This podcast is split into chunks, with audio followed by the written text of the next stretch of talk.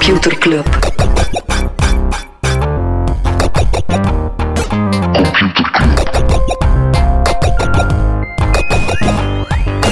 Computer Club. Hey Smolly. Hey Pieter, welkom, welkom bij Computer Club, een wekelijkse podcast over technologie. Normaal selecteren Freddy en ik eh, iedere week een artikel en presteren een feitje, maar deze week is het toch iets anders. Freddy die zit nog altijd in Korea. Ze hebben een gast gezocht, inderdaad. Pieter rolt hier met zijn ogen. De, de gast in kwestie is Pieter Haak, journalist, nu voor Politico, daar, daarvoor lang voor de tijd, technologiejournalist. Pieter, Politico kennen wij ja, voornamelijk eh, uit House of Cards als zo'n invloedrijke magazine, nieuwssite. Politico Europa, en kun je even kaderen, wat doet dat precies? Of wat is dat precies voor een publicatie? Wel, Politico is inderdaad begonnen in de VS, ik denk in 2008 ongeveer, zo met de, met de Obama-campagne. Ehm, en dan hebben die in 2015 hebben die de stap naar eh, Europa gezet. En ze vonden Brussel daar de perfecte plaats voor. Dus waar het heel erg om gaat, is eh, politiek. En vooral ook het, het, eh, de hele wereld van beleid, ehm, die daar in Brussel natuurlijk heel groot is. Want je hebt daar al de Europese instellingen, de, de Raad, het parlement en de commissie die samen Europese wetgeving maken. En dus het doel van Politico is een beetje om zowel de politieke intriges die daar elke dag gebeuren, als eh, ja, het heel technische, beleidsgevende werk dat daar elke dag gebeurt, om dat een beetje in kaart te brengen. En vooral op een heel, een heel spannende manier eigenlijk, want soms kan dat, ook al klinkt het misschien een beetje saai, kan dat eigenlijk ook wel heel spannend zijn. Maar het doelpubliek is niet het brede publiek, maar toch vooral die eurobubbel, of niet?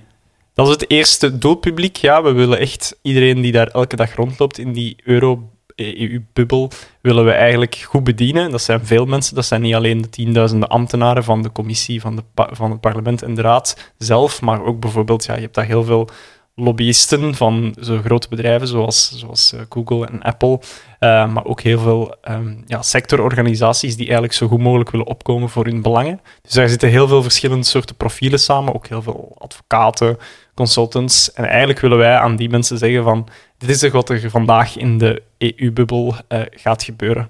Want ook al is dat maar zes straten groot, bijna die EU-bubbel, eh, bij wijze van spreken, toch is daar heel veel dat er elke dag gebeurt. En je moet eigenlijk wel tegen mensen kunnen zeggen van, dit is belangrijk en hier moet je naar kijken. En merk je dat er stukken veel gelezen worden, of dat gelezen worden door de mensen die het zouden moeten lezen? Of heb je toch het gevoel, want het is echt wel een zeer kleine niche, dat publiek waarvoor ik schrijf? Ja, dus bijvoorbeeld bij ons in het, in het eh, ik zit in het tech-team. ehm, Is en dat daar- protocol? Sorry? Protocol? Nee, dat is nog een apart, eh, apart merk. Dus eh, het techteam van Politico is, is wel ehm, is deel, is gewoon deel van Politico. Ehm, maar je merkt daar echt wel van de, de mensen met wie dat je eigenlijk zelf elke dag spreekt om ook informatie te krijgen. ehm, dat zijn ook de mensen die je lezen. En daardoor krijg je eigenlijk wel zeer directe, directe feedback. Dus de lobbyisten die u proberen te bewerken, daar kan je dan eigenlijk 's ochtends, want we hebben een dagelijkse nieuwsbrief, daar kan je dan wel eens soms eens een, een, een kleine grap of uithaal in die, in die nieuwsbrief steken, waardoor het eigenlijk wel een zeer directe, directe wisselwerking wordt. Dat klinkt zozeer mythisch, zo'n lobbyist, maar hoe verloopt dat precies? Is het echt zoals in de films, dat iemand zegt tegen jou, we iets gaan eten op restaurant, en die dan zo informatie doorsluist met een specifieke agenda, of gebeurt het subtieler dan dat? Wel, er wordt heel veel koffie gedronken in de Europese wijk. Eh, er zijn ook heel veel koffiebars, heel veel slechte koffiebars ook, die moet je vermijden. Ehm, maar inderdaad, zo gebeurt het wel. Hè. Je, hebt, je hebt een bepaald dossier duikt op, of dat wordt eh, ineens belangrijk, of, of daar wordt een bepaald wetgevend initiatief rond, rondgenomen door de commissie eerst. En dan merk je altijd inderdaad van de bedrijven die daar belang bij hebben, die proberen ineens natuurlijk wel uit te zoeken hoe, wat dat, voor hen betekent. Dus eerst proberen die zelf natuurlijk een, beetje hun huiswerk te doen. En dan zijn ze daar ineens allemaal, komen ze met, met ze noemen dat dan position papers en statements. En, en, of dan, dan proberen ze inderdaad hun, hun visie een beetje te pushen.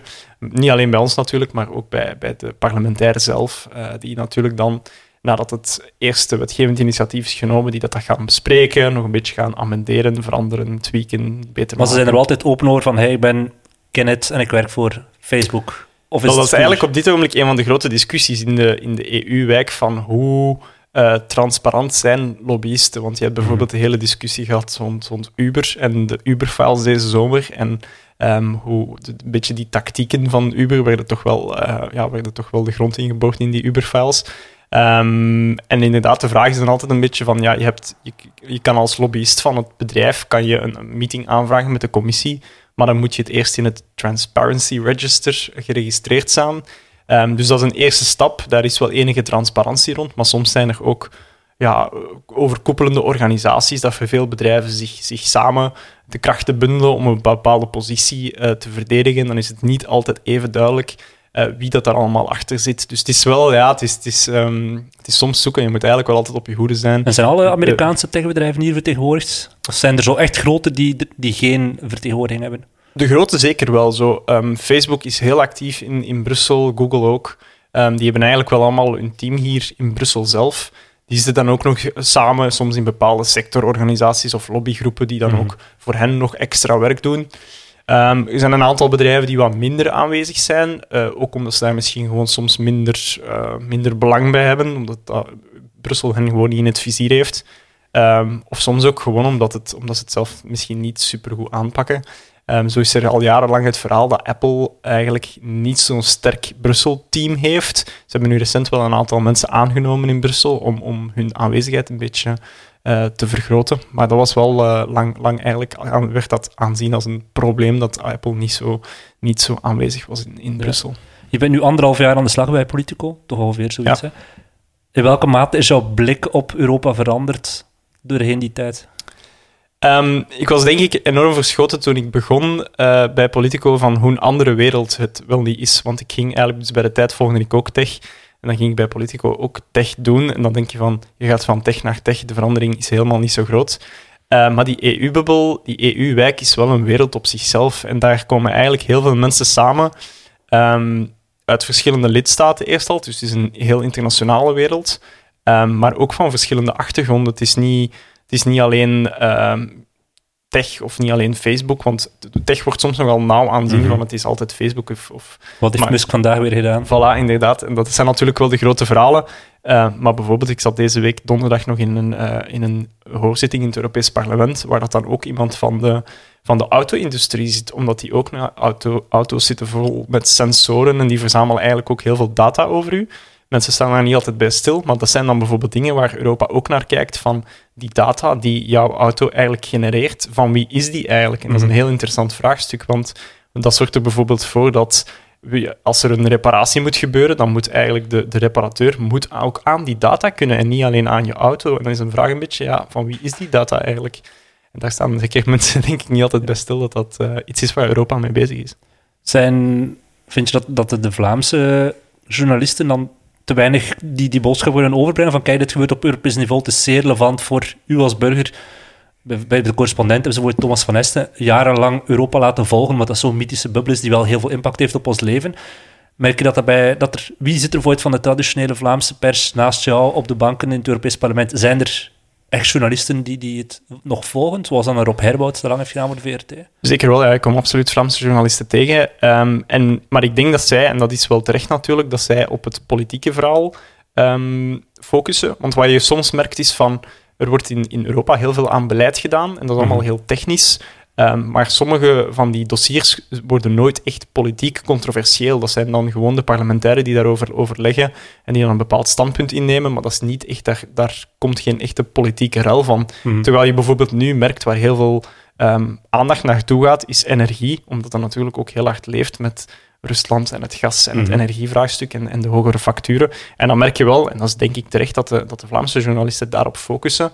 Um, maar omdat ze dan misschien niet altijd de mankracht hebben, gaat bijvoorbeeld techwetgeving, die misschien soms iets minder uh, politiek gevoelig is of zo, die gaat dan misschien wat uh, ja, ongemerkt eigenlijk, passeert die. Ja, we hebben het in de computerclub al vaak gehad over het feit dat je zo enerzijds het Amerikaanse internet hebt, dus aanhalingstekens, waar dat vooral rond geld draait, en waar privacy minder belangrijk is, en dan het, het Chinese internet, waar dat vooral voor overheidsinmenging gaat. En is nu zo de roep naar, we hebben een Europees internet nodig.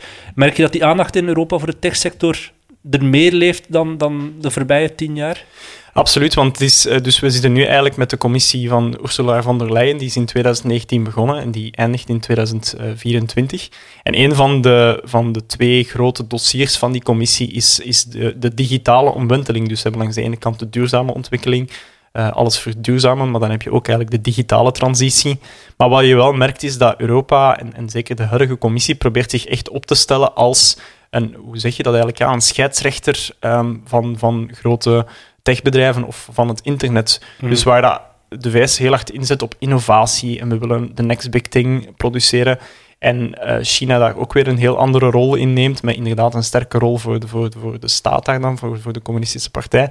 Dan merk je dat Europese um, re ja, regelgevers zijn heel hard bezig met hoe gaan we dat hier allemaal, ja, inderdaad, volgens de Europese waarden, uh, netjes in regels schieten. En je merkt soms dat een nieuwe, nieuwe trend of een nieuwe evolutie, zoals bijvoorbeeld artificiële intelligentie, Europa is nu al, als denk ik, ja, een van de eerste blokken aan het nadenken van zo'n algoritme, hoe moet je dat eigenlijk ga, gaan reguleren? Of, of een, een, ja, gewoon de, die black box die artificiële intelligentie soms is. Europa is nu echt al, al concrete regelgeving aan het onderhandelen, om dat eigenlijk een beetje, ja, wordt dan vaak gezegd, aan banden te leggen.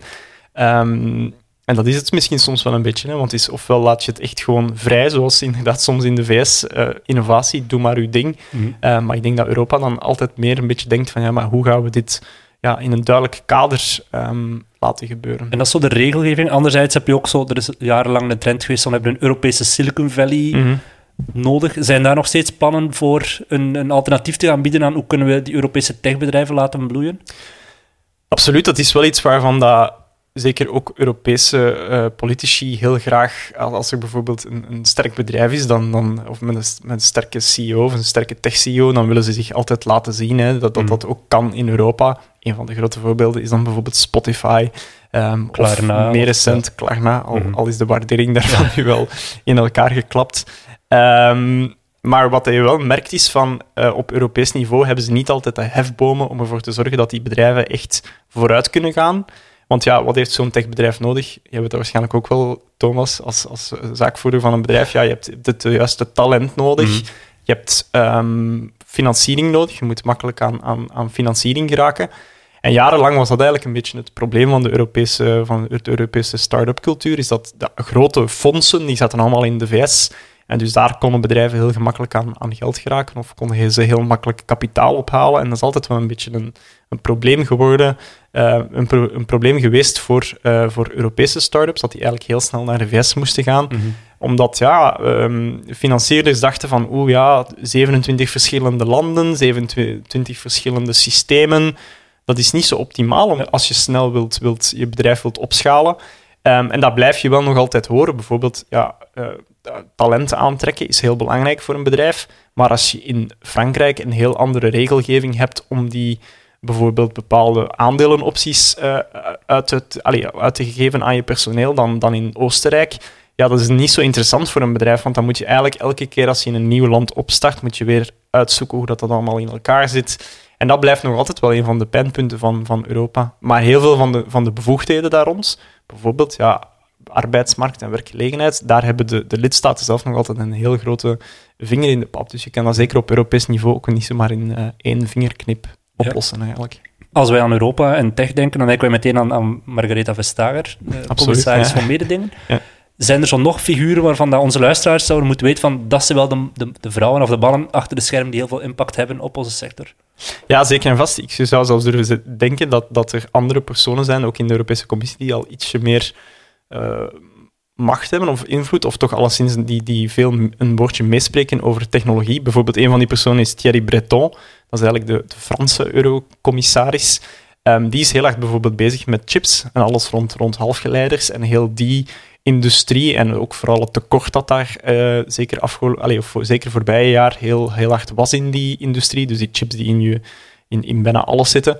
Um, hij heeft bijvoorbeeld een heel plan op tafel gelegd om ervoor te zorgen dat er in Europa ook productie van uh, zeer, zeer vergevorderde of zeer geavanceerde chips komen. Bijvoorbeeld Intel heeft dit voorjaar een, een, een plan op tafel gelegd om een fabriek van 17 miljard te bouwen in Duitsland. En dat was deels omdat Europa eigenlijk heeft gezegd van we gaan het voor u iets gemakkelijker maken om uh, je fabriek in Europa te vestigen. Want vaak mhm. gaat dat ook om staatssteun, subsidies van de overheid. Dat is in Europa nogal strak gereguleerd. En eigenlijk is dat nu een beetje versoepeld tijdelijk, om dat, om dat uh, meer toe te laten dat er hier ook productie, productie gebeurt van halfgeleiders. En bijvoorbeeld iemand, zo'n persoon als Thierry Breton, ook een zeer, zeer fascinerend figuur. Hij heeft ook bijvoorbeeld een... Uh, hij, is, hij is Frans, maar hij heeft ook een paspoort van Senegal, om een of andere reden. Um, ja, dat is eigenlijk dat, zijn, dat, zijn, dat is iemand die bijna niemand kent, maar hij heeft wel enorme macht om te zeggen van oké, nu moeten we daarmee bezig zijn. En dit gaat inderdaad vaak om, om klemtonen leggen. Um, en ja, dat is, dat is op dat niveau natuurlijk. Als je zegt van we gaan nu maximaal hierop inzetten, dan, dan ja, dat, is, dat is heel belangrijk natuurlijk. Mm En Europa, als Europa iets beslist, als die wetgeving dan praktijk wordt, dan merk je vaak dat Amerika en China alsnog volgen en hun mhm. standaarden gelijk leggen. Het beroemdste voorbeeld van de voorbije jaren is de GDPR. Er zijn nu weer zo'n aantal letterwoorden die op ons afkomen en die we echt wel gaan moeten onthouden voor de komende maanden, jaren. Wat zijn zo de belangrijkste dingen in de pipeline zitten in Europa?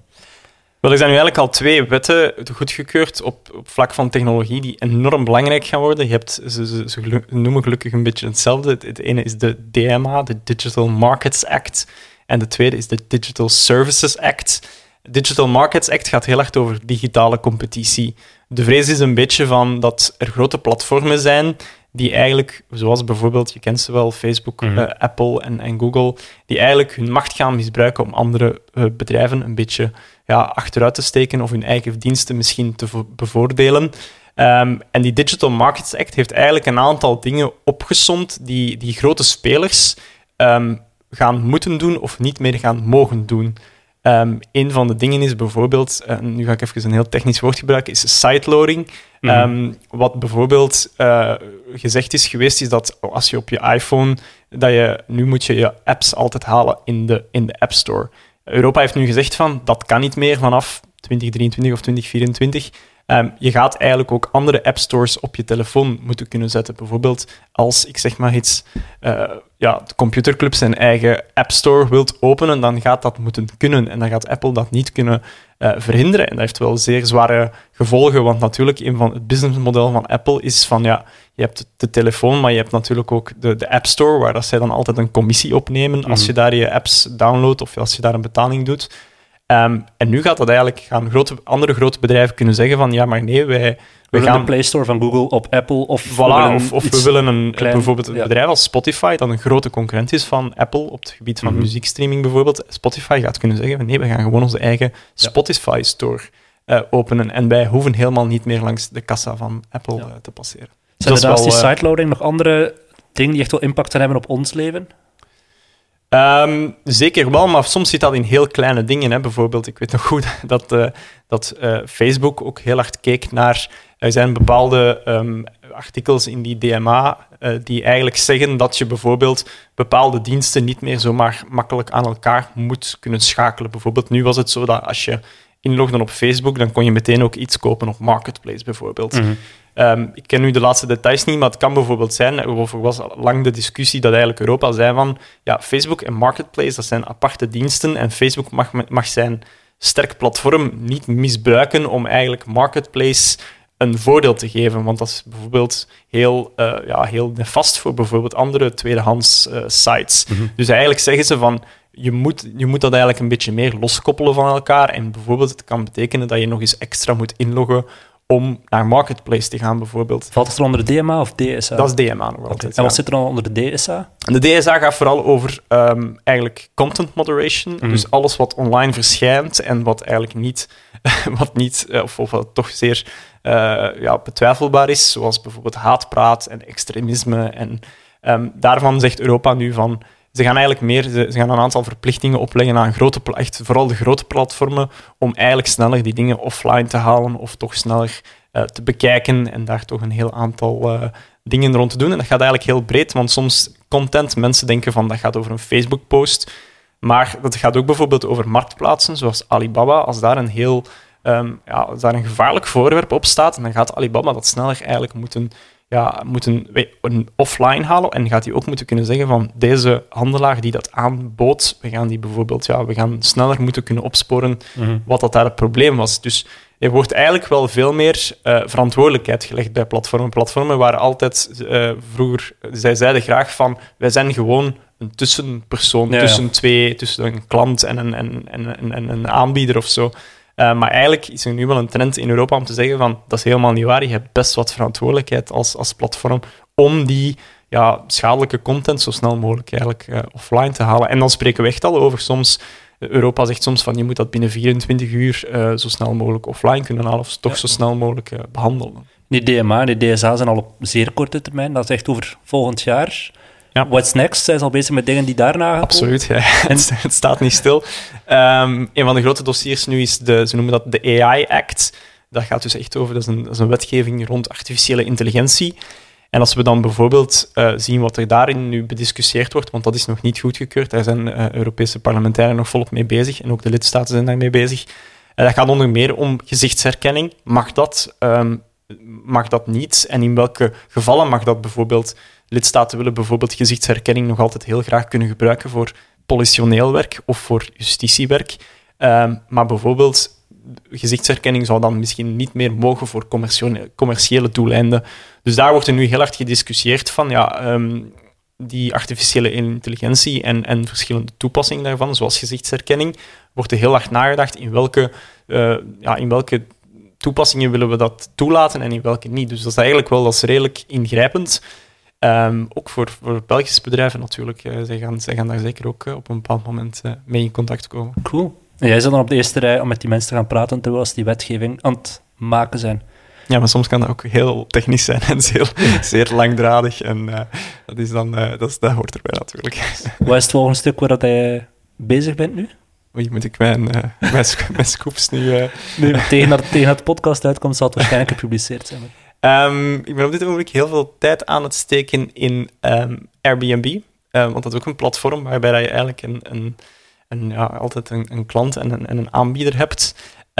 Maar ook Airbnb zelf, ja, heel veel Europese steden zijn daar niet zo tevreden mee, want zij zeggen van ja, dat, dat doet de, bijvoorbeeld de huurprijzen naar omhoog gaan en, en dat brengt heel veel overlast met zich mee. En je merkt dat heel veel Europese steden hebben we daar wel al een soort regelgeving rond, maar die is niet echt, die is niet geharmoniseerd over heel Europa. Um, en eigenlijk wat Europa nu binnenkort, uh, dat gaat ongeveer uh, waarschijnlijk midden november zijn, gaan ze met regels komen om ervoor te zorgen dat zo'n bedrijf als Airbnb dat dat eigenlijk iets meer geharmoniseerd op, op, op dezelfde manier in verschillende, uh, ja, in de verschillende lidstaten wordt, wordt aangepakt of dat daar toch data rond moeten, moeten kunnen zijn. Um, dus dat gaat, dat gaat een van mijn grote dossiers worden in, nice. in, november. Als onze luisteraars meer willen weten over Europa of Politico willen volgen, staat alles achter een paywall? Kunnen zij bepaalde dingen zomaar lezen? Um, er staat helaas er staat heel veel achter een paywall. Uh, dat is waar, omdat wij ook wel een beetje voor een, een gespecialiseerd mm. publiek schrijven. Dat heet ons Pro-platform. Maar we hebben ook een gratis site en die heet politico.eu, uh, eh, dus EU. Um, en dat is eigenlijk, ja, daar, daar komen de grote politieke stukken op. Uh, maar zeker ook ja, als er een tech-dossier tech uh, zeer controversieel wordt, um, dan, dan vind je dat daar zeker ook terug. Alright, dan moet iedereen daar zeker af en toe gaan kijken, al is maar op de hoogte te blijven wat er morgen in ons leven zal uh, gebeuren en nu al besloten wordt. Dus heel erg bedankt Pieter om naast te Graag gedaan. Computer Club.